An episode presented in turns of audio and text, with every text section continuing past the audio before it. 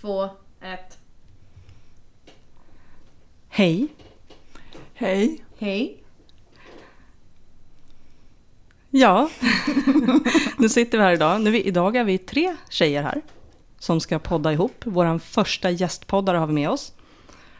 Och eh, det är en tjej som heter Åsa.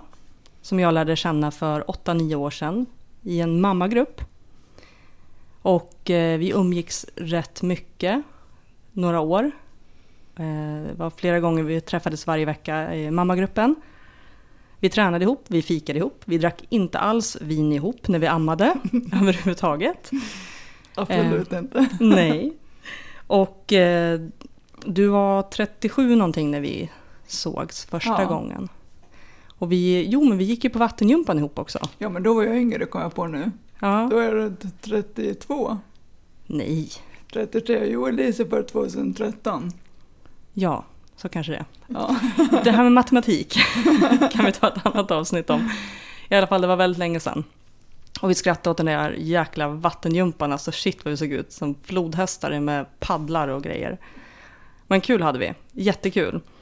Och eh, Åsa och min äldsta dotter, eller våra äldsta döttrar, är lika gamla. Och sen har vi även två yngre döttrar då, Precis. småsystrar. I alla fall så känner jag Åsa som en väldigt glad, sprallig, energisk, fantastisk tjej. Tack så mycket. Men idag ska vi prata om någonting som hände för fyra år sedan. Eh, Jag tänkte börja med att eh, fråga om du vill presentera dig, vem du är själv. Ja. Jag heter Åsa, jag är 41 år. Ja, bor i Solna. Älskar mina barn. Mm. Det var det jag kan säga. Det är ungefär så. Hur gammal är du idag? 41. 41. Mm. Vad gillar du att göra? Lyssna på musik, träna, vara med mina barn. Mm. Får jag eh, gå direkt på sak? Ja, absolut. Eh, för fyra och ett halvt år sedan så, jag kan bara berätta vad som hände för min del, så vet jag att jag smsade dig och frågade om vi skulle ses och fick inget svar. Jag hade börjat jobba och du var mammaledig. Och jag tänkte att ja, hon har mycket att göra. Du hade ju väldigt mycket att göra ofta. Mm. Du tränade, tog hand om barnen och hade alltid fullt upp. Men efter några sms och du inte hade svarat så började jag bli lite så orolig så jag tänkte jag ska åka hem till Åsa och kolla. Men i den vevan så fick jag ett samtal av din vän som ringde och berättade att du låg på sjukhus och du hade drabbats av en stroke. Bara 37 år gammal. Ehm, vill du berätta lite om vad som hände? Ja, det kan jag göra. Jag var på mammas träning när jag drabbades av stroken. Och jag förstod inte vad som hände, men jag förstod att någonting har hänt, för jag är jätteyr och jätteförvirrad. Så åkte till akuten, blev hemskickad med migrän. De sa det migrän. Dagen efter kunde jag inte stå eller prata. Åkte in igen och då fattade de att det var en stroke. Hur tog du dig till sjukhuset första dagen? Första dagen åkte jag buss med Villa, min dotter. Och eh, det här är rätt intressant för min del också, för historien bakom det är att du alltid varit väldigt självständig. Ja. Och du klarar dig själv. Och du hade kanske inte jättemycket stöd hemifrån, det behöver vi inte gå in på. Nej. Men att du ens tog dig med buss och barnvagn till akuten, det hade de lite åsikter om på, på sjukhuset när du kom. Ja, de sa du skulle inte åkt buss, du borde åkt ambulans, men det gjorde jag inte. Sen var det ändå ja, det är migrän. Dagen efter blev det ambulans. Ja, och vad sa du när ambulansen kom? Jag hade inte åkt ambulans om jag inte hade haft barn. Nej. Lite, lite stolthet där också. Ja, envishet. Precis. Hur gamla var dina barn vid det här tillfället när det inträffade? Milla var sex månader och Elise måste ha varit tre år tror jag. Okej. Vad kommer du ihåg ifrån andra dagen när du åker in? Vad, kommer du ihåg hur, vad som hände och vad som skedde då? Ja, tyvärr, för jag var jätterädd var jag. De sprang med mig genom korridoren när jag låg på en säng och jag frågade varför springer ni? Och de sa du har en stroke, vi måste operera. Och då började jag gråta och sa jag vill inte opereras. Men de sa att det är farligare att inte opereras. Och så när jag kom in i operationssalen kom jag ihåg att de frågade ska vi ringa någon? Och jag rabblade upp massa siffror som jag, som jag tänkte var telefonnummer, men jag hörde att det var inte det. Så jag sa bara ring min mamma och sen minns jag inget mer. Hur lång tid tog det innan du eh, återfick medvetandet? Innan du vaknade upp och förstod vad som hände? Det tog nog säkert en månad eller så. För när, när de väckte mig, när jag vaknade efter operationen, så var jag så dålig så de fick söva mig igen. Och då trodde de inte att jag skulle vakna igen. Så då fick familjen komma och säga hej då ifall att det inte skulle gå. Eh, Då hade du flyttats till ett annat sjukhus? Nej, då var jag kvar på Karolinska fortfarande. Okej. Sen flyttades jag när jag hade vaknat till Danderyds sjukhus. Sa läkarna till dig att, du, att din familj skulle komma? För att det kanske kan bli så att Inte. du inte... De sa nog inte det till mig tror jag, för jag var, jag var inte med Mm. medvetande. Nej, okej. Men till min familj sa de det, att hon vaknar nog inte igen. okej. Jag förstår. I vilket skick var du när du, kom, när du vaknade upp? Liksom, vad, hur var kroppen? Hur funkade det? Alltså jag kunde inte prata överhuvudtaget, jag kunde inte röra mig alls. Jag kunde inte ens röra högersidan. Nu är vänstersidan förlamad. Men då var även högersidan helt borta, jag kunde inte göra någonting. Eh, Jag kommer ihåg när jag och vår gemensamma vän kom upp till dig första gången efter att vi fick höra det här. Mm. Eh, Då var det på Danderyd. Och vi kom in och eh, visste inte riktigt vad vi skulle vänta oss. Och som du sa, du kunde inte röra dig så mycket, du kunde inte prata mycket. Eh, jag vet att det var väldigt känslomässigt, att eh, känsloreaktionen blir väldigt stark Mm. efteråt. Och även för oss såklart. Eh, och man märkte att du, hade, du ville säga så mycket och göra så mycket och det, det gick liksom inte. Mm. Det var alltså jag, jag kan säga så här, det var fruktansvärt för oss. Men att, se dig sådär i det där läget, alltså vad... Den perioden, alltså i, början där, hur...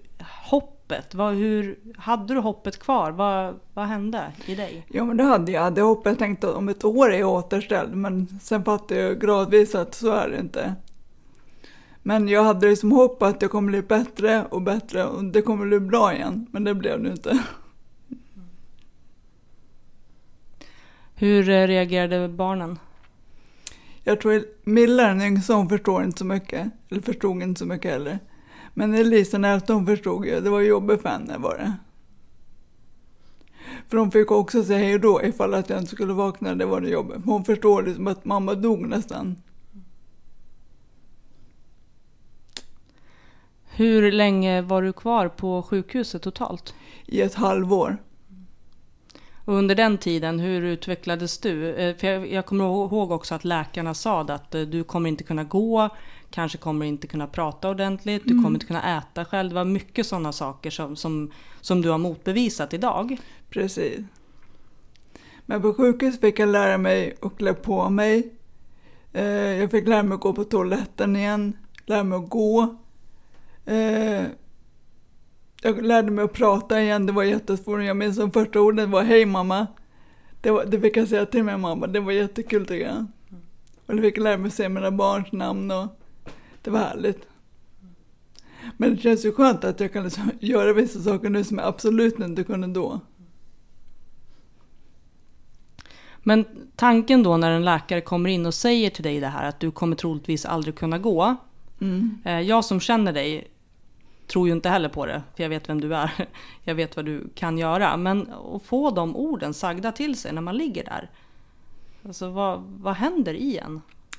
Alltså jag brukar säga till folk när jag pratar om det att en del blir jättepeppade och nu jävlar ska jag visa dem att jag visst kommer gå. Men jag tänkte bara, ja det var ju synd. Vi får se om det blir så eller inte. Men jag lärde mig att gå igen. Men jag, jag vill visa honom nu att nu fan kan jag gå. Men så det är som olika om man tar det, men jag trodde det bara, oj synd. Jag tror ibland att man behöver, eh, som du säger, att man behöver ge upp för att kunna börja om. Ja. Alltså så här, ja men gud vad synd. Ja, ja, vi får se hur det går. Istället för att ehm, kämpa emot känslan. Men ehm, det är väldigt gripande det du berättar. Tack, eller vad man säger.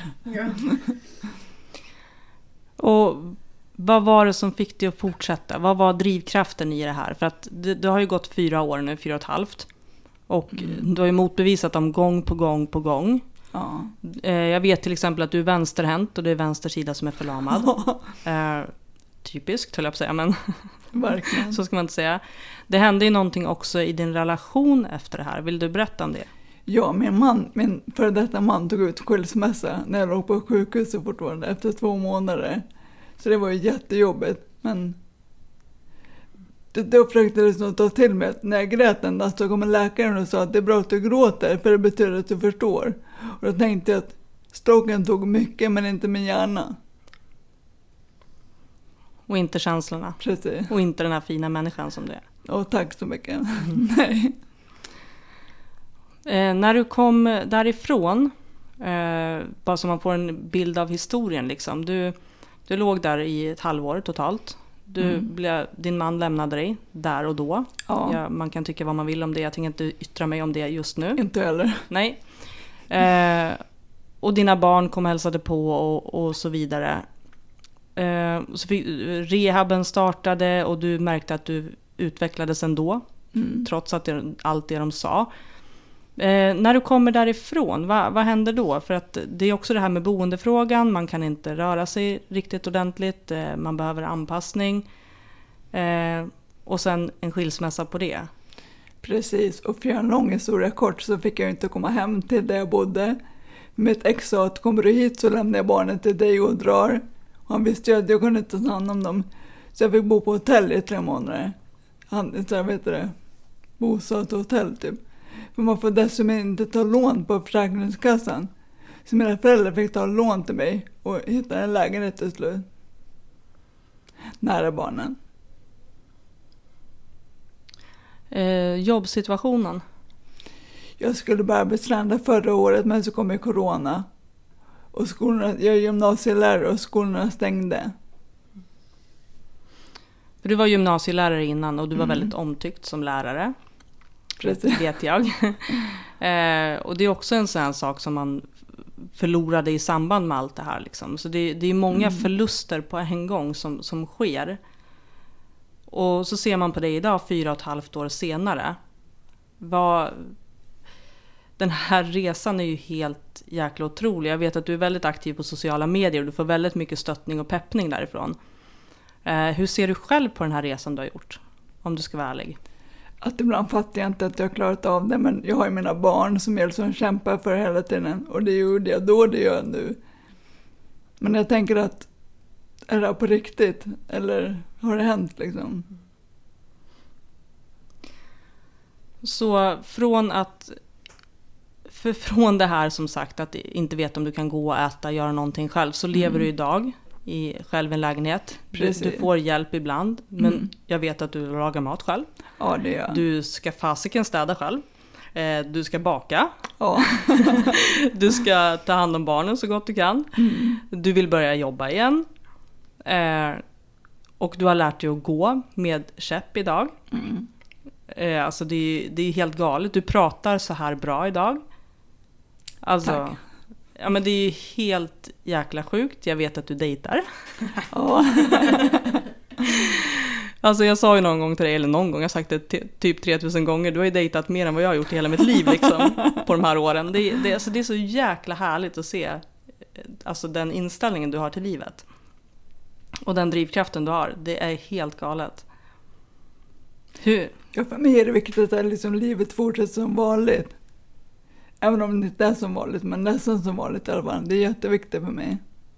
Ja men precis, och vad jag har fått veta var ju också att innan corona här så var du ju till och med ute och reste. Ja, Hade då- du resesällskap eller reste du Nej, själv? jag reser själv. Ja men du ser. det är helt otroligt. Jag har varit en gång utomlands själv och då anslöt jag mig till en grupp och jag var helt livrädd. utan liksom, utan liksom, ja ens din historia. Så det är ju skithäftigt alltså. Tack så mycket. Ja, man får ju mycket hjälp när man reser med någon annan, man är handikappad, men ändå, det var ju lite läskigt. Och, för jag vet att folk runt omkring mig var det som, ska du verkligen åka? Ja, Ja. så gjorde jag det. Men också vi kvinnor har ju, vi är rätt kända för att inte acceptera hjälp. Vi vill gärna vara självgående och vi ska, vi ska kunna så mycket själva. Det Precis. ligger ju också någonting i det att hur har det varit den här acceptansen? Du har jobbat väldigt mycket med den antar jag. Jättemycket. Att ändå fråga om hjälp. Mycket Det är och- svårt kan jag säga, att be om hjälp. Det är jätte, jättesvårt. För jag vill vara så självständig som möjligt och det är svårt att acceptera att nu kan jag inte göra allt själv. Det är jättesvårt. Så det har tagit flera år kan jag säga. Mm. Nu är det lite lättare men det är svårt. Ja, fortfarande alltså, svårt att Ja. be om hjälp alltså. Mm, det är det. Mm. Man får Men- perspektiv. Ja. Ja. man inser att jag måste liksom, annars går det inte. Nej, man märker ju då hur, hur inrotat det är i oss kvinnor att man ska fan klara sig själv. Precis, Men det är också det som är drivkraften till att Ja. du faktiskt är här idag också, precis. tänker jag. Mm. Eh, du får säga stopp som sagt. Jag är lite nyfiken på hur eh, det är med dina barn idag. Din yngsta där hade ju, hon var ju väldigt liten när det hände. Precis. Hur är hon, också den äldsta givetvis, men börjar på den yngsta. Hur Ja. är det med henne idag? Hur ser en relation ut? Jo men det är lite svårt ibland för att jag liksom inte han, vad heter det, bonda, jag vet inte vad det heter på svenska. Ja, men anknyta riktigt med henne. Men det blir bättre och bättre blir. Och Hon är liksom omtänksam och jättegullig. Hon är ju fem år nu. Och det är jättegulligt för hon liksom tycker det är viktigt att mamma hänger med. Och vi måste vänta på mamma när vi är ute och går. Och liksom, var är mamma, var är mamma, hur mår mamma? Och, ibland kan hon börja gråta hon vill leka med mamma. Ba, mamma ska leka med bara mig. Det är lite svårt. Men ibland kan hon vara väldigt anti och inte vilja du behöver inte säga att du älskar mig för jag vet det. Säg inte att jag är fin. Säg inte att jag är bra. Åh, lilla gumman. Mm. Hur är det med den äldsta då? Hon som ändå förstod lite och fick ju ändå vara med om att höra att du kanske inte ens kommer överleva. Ja, Hur är det hon- med henne idag? Hon mår bra, men hon är fortfarande liksom... Hon kan säga till mig, mamma du var lite roligare innan stroken, när du kunde springa och så. Hon är väldigt omtänksam och liksom lägger kuddar på golvet ifall jag ska ramla. Och liksom försöker att allting är som vanligt. Det tycker jag är jättegulligt. Mm. Men vad fint. Ja, det är det.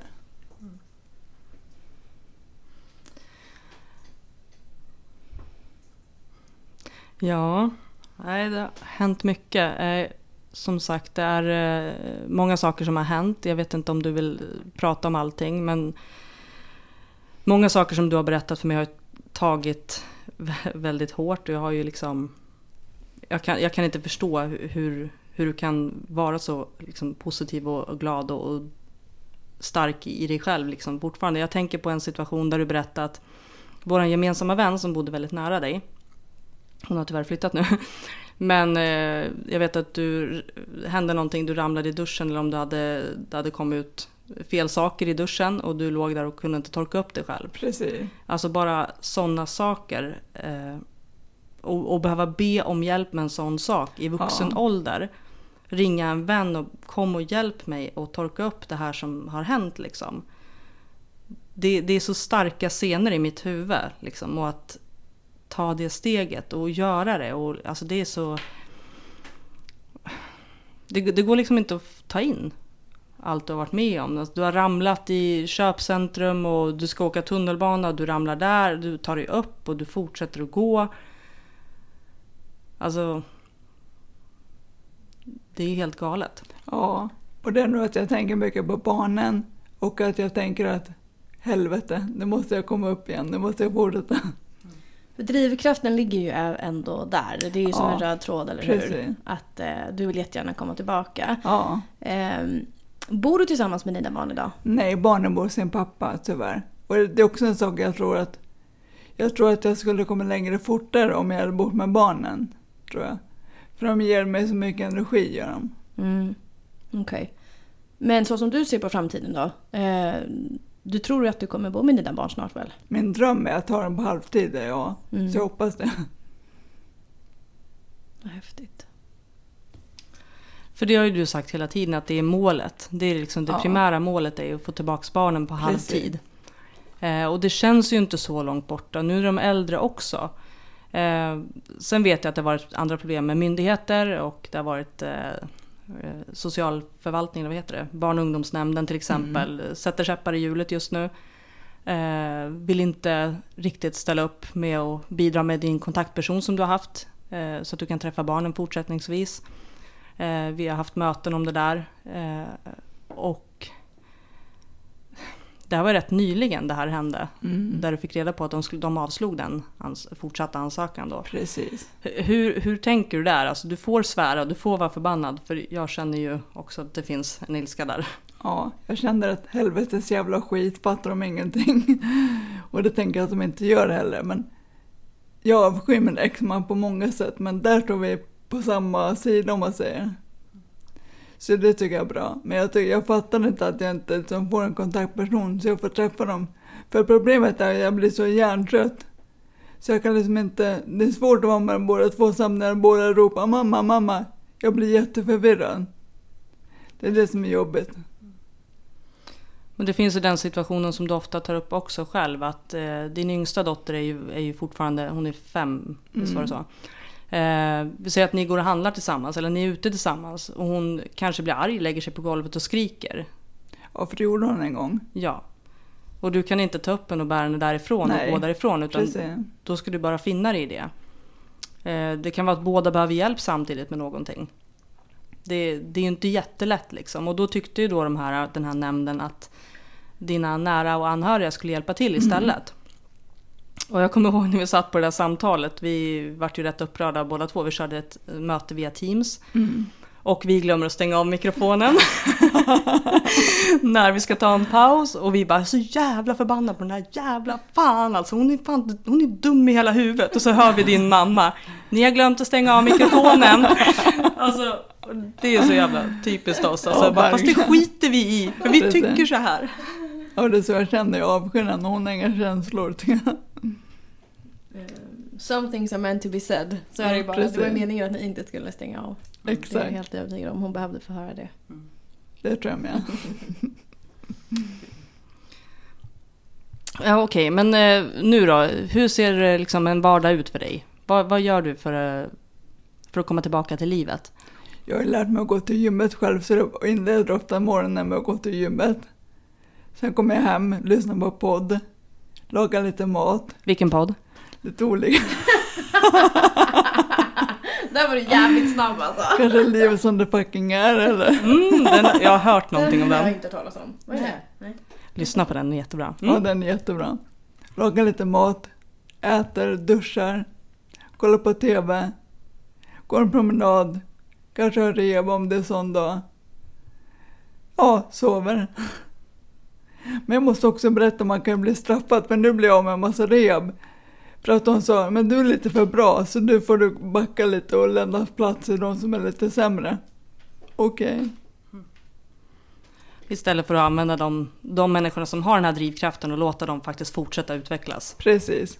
Och det var väl det lite som hände också med den här kontaktpersonen som SOS skulle stå till tjänst med eftersom du vill träffa dina barn. Det är också en tillfrisknande i processen väl?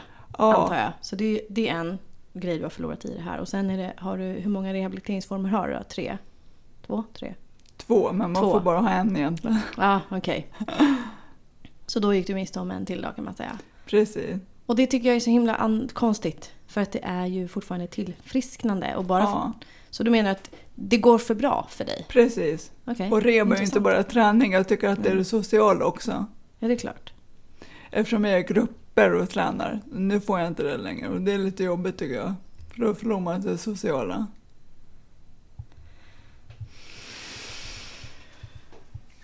Om vi pratar om acceptans här då, då Mm. igen. Så, så tänker jag så här, det här är ju en...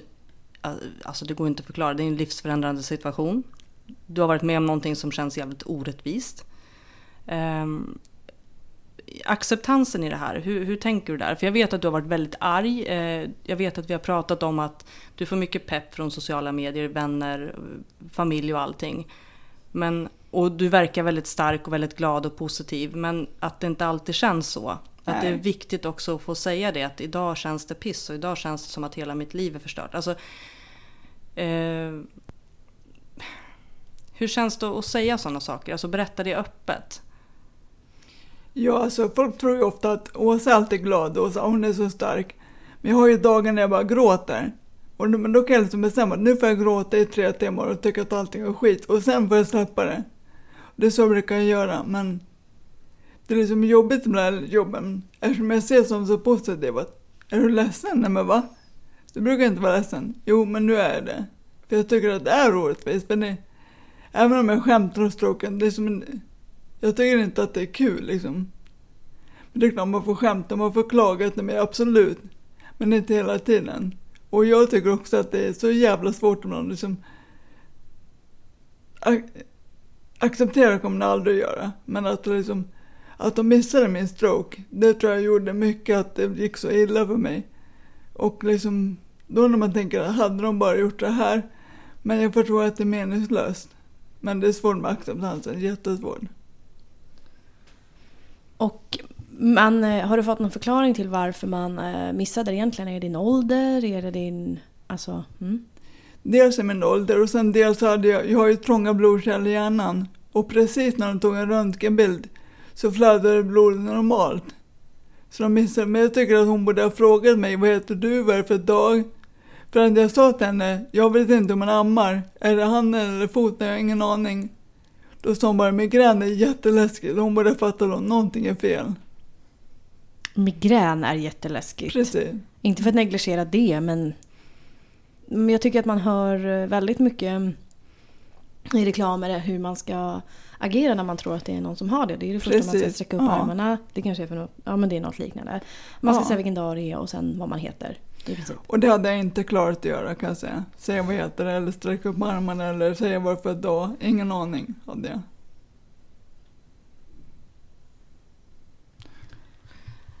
Jag tycker personligen att det är väldigt viktigt också att få med alla de här delarna när man är så socialt utåt som du är. Eh, vi pratade lite om det förra gången, eller ja, för ett tag sedan jag var hos dig och du var väldigt ledsen. Och att man inte ser den här sidan hos dig. Eh, känns det jobbigt och svårt att vara det utåt? Liksom att berätta att du är ledsen? Eller alltså... Förstår du vad jag menar? Ja, ibland gör jag det. Eftersom folk ser mig som så positiv. Så det känns som att det är så jag måste vara. Men jag tror att folk fattar också att ibland är man ledsen och att det är okej. Men det känns lite jobbigt, ja det gör det. Tyvärr. Jag vet ju också att du har lite andra sjukdomar i bakgrunden som har varit jäkligt jobbiga. Mm. Som också har blivit värre. Eh, Jag, jag kan aldrig säga det men där ulcerös kolit Ja, men till det, exempel. det blev rätt. Ja, eh, ja men eh, där som vi båda två har. Eh, Endometrios. endometrios. Eh, alltså det har varit väldigt mycket annat som har... Alltså det har ju varit en väldigt tuff period utöver stroken Ja. faktiskt. Eh, och jag, jag känner mig så här... För att förstå en sån här situation och bara inse hur tacksam man själv ska vara. Du är ju en enorm förebild för, för alla som har det svårt på alla sätt och vis. Precis som du säger. Tack så mycket. Ja, jag, vi, du har ett annat mål också eh, med det här. Du försöker bygga på det här lite, att eh, du kanske kan hjälpa andra. Det vill jag jättegärna dag. Mm. Och du har redan börjat lite grann. Du har varit och pratat med Studenter. studenter. Och responsen har varit? Helt underbar. Och jag har fått höra att, för jag har träffat studenter som ska bli sjukgymnaster. Jag har fått höra av lärarna att folk väljer att jobba med strokepatienter på grund av dig. Och det känns underbart tycker jag. Du är också med i strokegrupp. Ja, Eh, och där får du också höra samma sak. Jag vet att du har varit på rehabläger där du har fått Precis. höra jättemycket positivt. Vad är en, jag som inte kan det här, vad är en strokegrupp för någonting? Är det patienter som är, eller så är ni en grupp patienter som precis. träffas? Ja. På Facebook. Som, det är som en grupp med alla folk, folk som har fått stroke. Och så träffas man ibland. Och sen var jag på läger. Rehabställe i somras. Men det var ju folk som har drabbats av stroke. Som har fått cancer, som har astma, allt möjligt. Men det var i Sigtuna. Och där fick jag höra att gud vad det går mycket bättre nu när du har varit här ett tag. Så det var jättekul. Det måste ju kännas jättekul. Jag tänker, du Ja. hade ju fått höra, var det i veckan här på rehaben, att du har utvecklats jättemycket. Ja. Jag, lärde, eller jag gick ner i något som heter fria positionen. Ni vet när fattar man står på knä. Och sen ska man ta sig upp igen och det är jättesvårt eftersom jag är förlamad. Men då sa hon, oj men jag kunde göra det här själv och sa men gud vilken skillnad. Så det var kul att höra. Då förstår man att träningen ger någonting. Hur länge, du sa att du låg på sjukhus ett halvår va? Mm. Eh, och sen så påbörjades rehabiliteringen. Ja, Och nu har det gått hur många år? Fyra år. Ja, Så precis. att du har kämpat med... Sen du gick upp från sjukhussängen var ju då tre och ett halvt år.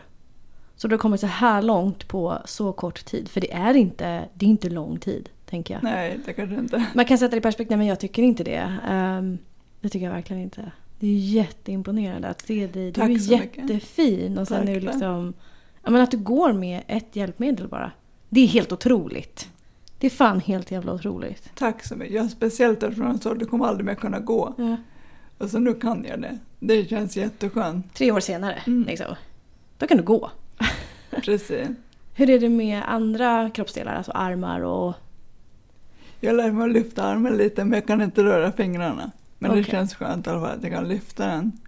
Så när jag tränar kan jag träna nästan som vanligt. Mm. Det känns skönt. Men du har också ett bakintresse om jag förstår det här rätt. Ja, Ja, den är också väldigt speciell. Gud vad Ja. roligt. det är det. Hur går det då? Ja men det går bra tack. Men det jag gör, samma sak med matlagningen. Jag kollar upp recept och så var liksom, kolla vad jag kan göra och så gör jag det. Mm. Det är jättekul tycker jag. Mm. Vad heter din Instagram-sida på det? Asas träning och bakning med, med understreck. Många följare. Precis. Nej, men jag tänker också från, eh, precis som Karo sa, där, från att du låg på sjukhuset och sådär, att det var som att eh, bli barn igen Mm. med allting. Och då som sagt, tre och ett halvt år, ja, nästan fyra, det är ju ingenting. Att lära sig att gå, lära sig prata, lära, alltså allt det här på den korta tiden. Ja, Att starta om livet. Alltså du får ju börja om från början. Det är Precis. inte bara att nu ska vi lära oss att prata. Det är, inte bara, det är ju inte lätt. Och vissa patienter pratar ju inte alls. nej, För det kommer liksom inte tillbaka. Det är precis. jättefint att du har fått tillbaka den gåvan alltså. Det känns jättebra. Jag såg att du hade ett inlägg där om att du, hade, du vägrar rullstol hemma nu mer. Ja, det gör jag. Det är så här, nej nu tänker inte jag ha rullstol mer. nu går du hemma. Ja, det gör jag. Det känns också jätteskönt. Det är jobbigt men det är skönt. Vad tänker du om skillnaden eh, i att, som Karo sa också, att eh, vissa lär sig inte ens att prata? Tänker du att det finns en skillnad i inställning eller tror du att det är liksom storleken eller kraft, eh, hur kraftig stroken är? Vad tänker du om det? Jag tror att dels handlar det om vart stroken hamnar och dels handlar det... För jag känner folk som har afasi och de kan inte prata eller prata lite grann. Men också handlar det lite om inställning, tror jag. För jag tränade jättemycket, alltså jättemycket med såpbubblor och allt möjligt. Och till slut gick det, men det tog tid. För någon som har tränat så här mycket som du gjorde innan också och komma tillbaka till en annan form av träning. Det här blir en helt annan typ av träning. Mm. Det är så grundläggande så att eh, hur känns det att träna på det här sättet efter att man har varit så vältränad som du var innan? Ibland är det lite jobbigt kan jag säga. För jag tänker att jag borde kunna mer än det här. Men för det kan bli, vissa övningar är väldigt basic och det kan jag tycka är jättejobbigt. Men jag får liksom tänka att det är där jag får börja tyvärr. Ehm, jag, eh, jag själv har ju gått på rehabilitering för andra problem. Mm. Och eh, där, det jag eh, kämpar allra, allra mest med det är ju frustrationen av att inte klara av mer för att min acceptansnivå är ganska hög. Jag tycker ju att ja, men jag borde ju kunna det här. Jag är ju på elitnivå. Vad, vad fan är det här för jävla... Så jag var så arg på min kropp så att jag ville liksom typ hugga av huvudet och sätta det på en annan kropp. Alltså Ja. det var så jag kände. Den här frustrationen Åsa, den är ju liksom, den är ju total. Hur, eh, alltså hur hanterar du det? Det är som du säger att man, man måste ju få känna det, få ur det ur systemet och sen Mm. får det vara bra. Att man liksom sätter en punkt. Men den kommer ju tillbaka gissar jag. Hur, eh, hur, le, alltså hur ska jag säga, lever du med en frustration? För det gjorde jag. Jag kände bara att Ja, jag blir deprimerad, jag blir inte alls trevlig att umgås med och så vidare. Men eh, när jag träffar dig nu så är du ju otroligt positiv. Eh, och du ser väldigt, väldigt välmående ut. Men hur är det, liksom, jag är nyfiken på hur du hanterar din frustration, det är dit jag vill komma. jag tror det dels är som jag sa förut att jag har vissa dagar när jag gråter och då ingår det liksom att jag inte kan göra saker som förr. Så ibland kan jag tänka, som när jag gick på gåbandet idag på gymmet, jag tänkte men vad fan, här går jag på ett gåband jättesakta när jag borde kunna springa. Men nu är det så här. Och liksom, jag tror jag har den inställningen att nu är det så här. Jag får liksom börja om, men jag är frustrerad. Men jag får liksom trycka undan det på något sätt. För, precis, för det är känslor som inte hjälper oss. Och det Precis. sa de till mig också att det är bättre att man, ibland måste man bara acceptera hur läget är. Mm. Och då sa jag så men, men håll käften med din jävla acceptans. Jag ska bara gå och acceptera massa jävla saker hela tiden. Eh, och ja men då kanske du, eh, fick jag höra att ja men då kanske inte du älskar dig själv. Jo det gör jag faktiskt. Men jag blir ändå irriterad på kroppen för att den svarar inte så som jag vill att den ska göra. Precis. Så att jag är så jävla imponerad av dig. Tack så Jag är mycket. riktigt imponerad av dig. Det var snällt. Det värmer att höra kan jag säga. Okej, eh, i övrigt då? Du tränar väldigt mycket fortfarande, varje Ja, dag i stort sett. Jättemycket. Mm. Eh, och det behöver du göra för att Ja. hålla, dels för att hålla igång det men också för att komma ännu längre fram. Precis. Eh, fritidsintressen i övrigt då liksom? Eh, Laga mat och baka. mm. Och Jag kan säga att jag ganska nyligen lärt mig att lyssna på musik och laga mat samtidigt. Det är jättesvårt. För jag blir jätteförvirrad. Jag kan liksom inte sortera hjärnan. Och så... Ja, det är väl... Eller vad var frågan? Var det frågan? Ja, om du har andra så här fritidsintressen som får dig att tycka att fan det här livet är ändå rätt härligt alltså. Dating, hör Ja, det Det är ditt fritidsintresse. Jag, jag ville komma dit egentligen. Jag ja, dejting. jo men det är skönt, som jag sa förut, att jag vill att det ska vara som förut. För jag, jag kan säga att jag har dejtat killar som också har fått stroke, men det är jätte, jättesvårt. Det funkar inte riktigt. För jag tänker också det här med dating, alltså jag måste bara berätta det. Åsa är en väldigt eh, eh, open-minded ska jag säga. När det gäller sånt här. Har alltid varit eh, precis samma person som förut liksom. Men jag, jag tänker på när man liksom inte är fullt funktions, liksom, alltså man har inte 100% fun- funktion i kroppen. Jag kan känna ibland när du ska iväg på dejt att jag vill följa med liksom. Förstår du? Jag tänker, jag, jag blir nästan lite så här, gud vad är det för det här för kille? Man blir extra så försiktig med vem Ja. du träffar. Som jag frågade, är han snäll? Det var, det var nog det första jag frågade, är han snäll? Precis. Alltså, är det läskigare eller struntar du i det? Eller? Ja, det är läskigare, för jag är väldigt, liksom, hur ska man säga, medveten om att jag har handikapp och jag liksom måste förmedla det hela tiden. Men det är som den här killen sa nu, att du hade liksom gett sken av att du inte kan prata alls. Men det kan jag ju. Men det är det jag ger sken av, tyvärr. Ja. Men du är inte rädd för att träffa nya människor? För det verkar det ju inte som egentligen, att jag, du är rädd för att exempel bli utsatt för någonting som du... Men det är du ju inte. Nej, Nej. tyvärr kanske. Nej, men det är ju snarare bra. Det är en inspiration för mig. Jag är ju typ rädd för alla. Så att, vad är det här för någon? Du vet. Så att det, ja. Men vad driver dig till att dejta då? För jag pratar vi dejting här, för jag tycker det är så himla roligt. Eh, mycket dejtande, alltså det, du, du har mycket dejtande bakom det. Så vad, är det nyfikenheten eller vad är det som driver dig till det här att träffa nya människor? För jag är ju lite som Carro, jag är också väldigt rädd för, för nya människor. Jag tror liksom att dels utmanar du själv att kan jag träffa någon fast jag är så här? Och det kan jag ju uppenbarligen. Men också liksom träffa nya människor överlag. Och sen tror jag, det blev väldigt djupt med att jag har ett behov av att liksom bli omtyckt. Ja, Inte alls konstigt, det har vi alla. vad bra. Eh, Och man måste få bekräftelse. Ja, precis. Jag tror att det är bekräftelse som du säger. Det är jätteviktigt för mig. Mm. Vad fint. Ja, men bara det att bli sedd i den situationen man är i, vil- vilken situation man än är i, så vill man ju bli sedd. Man vill Precis. bli bekräftad i det. Ja. Liksom. Eh, vi pratar ju rätt mycket intima saker. Hur funkar det med sexlivet? Ja, men det funkar. Det gör det? Men jag måste bli som, hur ska man säga, omkringlyft. Ja, det är ju inte helt fel. Nej, Det, det, kan, det behöver inte vara fel. nej. Vi har haft några roliga historier där från början, eh, när du inte var lika mobil. Det var lite Precis. roliga historier där. och det är det här som är så jävla skönt. Vi kan sitta och skratta åt precis samma saker som, som vi alltid har gjort. Liksom. Precis. Nej, jag tycker att eh, du ska vara sjukt stolt över dig själv. Alltså den förebilden du är, jag har sagt det hundra gånger, du är ju en superhjälte liksom. Och, Tack, vad snäll. I, I det här, nu när, när stämningen ändå är lite lättare, är det någonting som du kan ändå hitta? Nu var vi inne på sex, det är klart att det blir roligt då, men har du någonting som är så, roligt som du ändå så här skrattat åt? För att det, i eländet så har vi ju nära till skratt i alla fall. Ja. Är det någonting som du har klockrent sådär som du kommer på att det här var det så jävla sjuk grej så att du vill dela med dig av för att det var så knasigt? Var ska jag börja? Precis. Det behöver inte vara en sexhistoria, det är inte det jag säger. Absolut inte. Jag vet att Tessan vill höra en. Jag har hört alla dem.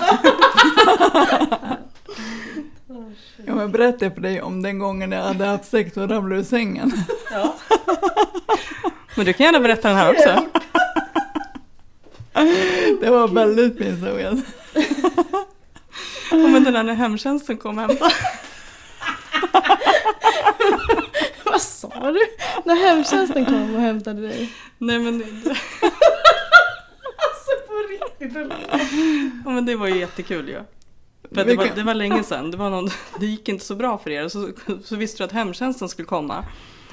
Så de fick ju hjälpa dig på något sätt. Jag kommer inte riktigt ihåg själva detaljerna. Inte heller. ja, men såna här roliga saker som att du i början då, du fick inte av dig trosorna. Eller så, alltså det var såna här roliga grejer liksom. Och du fastnade och... Nej, alltså, det var så jäkla roligt. Det var så kul Men att det är det som jag menar, att man faller ut i skratt istället för att Ja, man liksom precis. blir... Jag har ju så nära till ilska. Eh, och då är det så härligt att höra någon annan som ändå sådär faller ut i skratt istället. Det är, det är jättehärligt. Ja, men det försöker jag verkligen. För jag försöker tänka mycket på, eller nu låter jag sjuk, men från början när jag precis hade drabbats av stroken så kunde jag inte prata och det var ju jättejobbigt. Då försökte då jag tänka på det. Det jämfört med nu. För då till exempel kunde jag, jag kunde inte prata så fick jag en bokstavsplatta. Men jag kunde liksom inte hålla in och peka, mina ögon pekade rakt upp efter säsongen. Det var det, så, det var så jävla jobbigt. Och, så, och nu kan jag skratta åt det också, att det var jätte, jättejobbigt. Och som jämför med nu när jag kan prata, vilka, det är så jävla skönt. Och det gör mig också jätteglad. Det kan jag skratta åt också. Jag såg ett av dina inlägg på Facebook som jag, som jag faktiskt också skrattade. Det är så jävla bisarrt det här med eh, att läkare inte läser journaler. Precis. Och då var det två läkare eller sjuksystrar som pratade över huvudet på dig och du bara men snälla jag är inte döv! Precis, de jag trodde liksom- att jag var döv. Ja. Och det är också sådär men det är så härligt att du kan skratta åt det för man möter ju bara på elände efter elände efter elände när, liksom när man lyssnar på din historia. Men alltså Ja. och i det då så får man då nej, men förklara för de här två att nej jag, jag är inte döv, jag pratar Precis. så här. Det Jag var, hade en stroke, precis. vad hade hänt då? Du var inne på sjukhuset eller? Ja, vad? precis. Och så var det en, en sköterska som skulle skjutsa mig till röntgen. Och så sa en annan undersköterska, hon är döv men hon är jättebra på att läsa på läppar. Och jag bara, va? Nej, jag inte. Pratar ni om mig? Nej, jag är inte döv. Jag pratar konstigt men jag har fått en stroke. Vad sa de då? då? Oj, gud förlåt. Oj. Och jag sa, ni kanske borde läsa min journal. Så Har du fått förklara många gånger? Alltså har det varit ett problem att de inte har läst din journal när du kommit in till sjukhuset och så? ja, tyvärr. Det är det? Mm.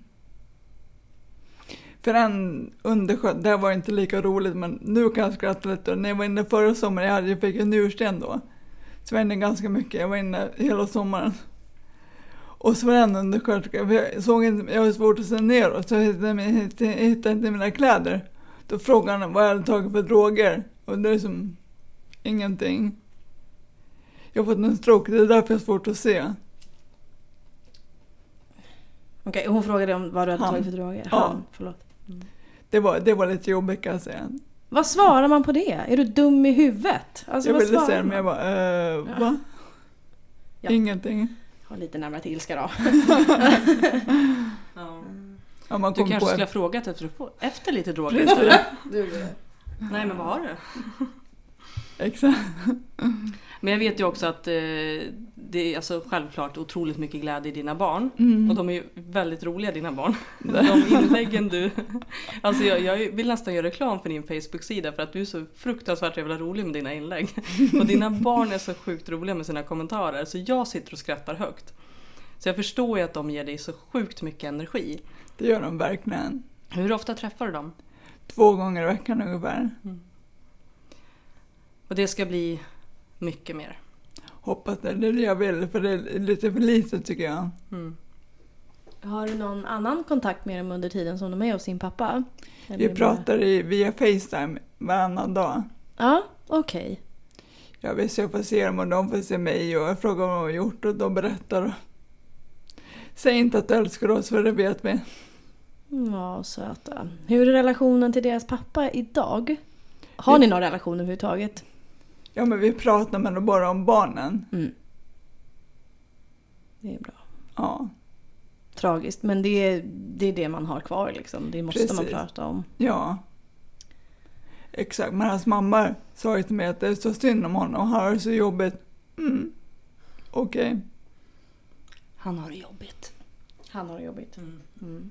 Vilket man också, alltså det är också ett perspektiv, absolut. Men Mm. det går inte att jämföra. Man kan inte jämföra friska människor med människor som har fått den här typen av Precis, och säg inte det till mig, liksom, Nej. han har lämnat mig. Ja, det är också lite respekt kanske. Mm, precis. liksom- Jag fattar att det är jobbigt, ja, men Mm. Jag förstår vad du menar. Ta det med någon annan. precis. Ja, det är Kanske. Ja. Eh, vi ska väl börja avrunda tänka. jag. Eh, jag tänkte, vad skulle du vilja säga till folk som har gått igenom svåra saker eller hamnat i liknande situationer?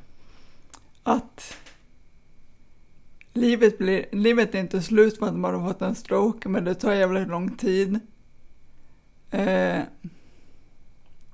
och att det alltid finns ett hopp, även om det är svårt att hitta och svårt att se det. Och eh,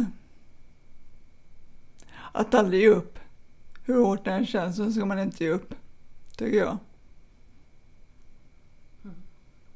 Finns alltid någonting kvar. Precis. Eh, jag outade din Facebook-sida här eftersom Ja. jag tyckte att folk skulle följa den. Eh, Åsa Lejonmalm, före detta Holmlund, Holmlund. står det. Och sen Åsas bak och träning, eller vad var det? Så trän, träning och bakning. Åsas träning och bakning åt andra hållet. Med understreck istället då. Eh, jag är jätteglad för att du blev med och prata Åsa. Och som sagt, vi är helt sjuk förebild alltså. Jag är jätteglad att jag fick komma hit. Du är välkommen tillbaka. Tack snälla du för att du kunde komma idag. Mera Tack. dejtinggrejer. Tack så jättemycket Åsa, tack till dig som lyssnar. Tack, tack.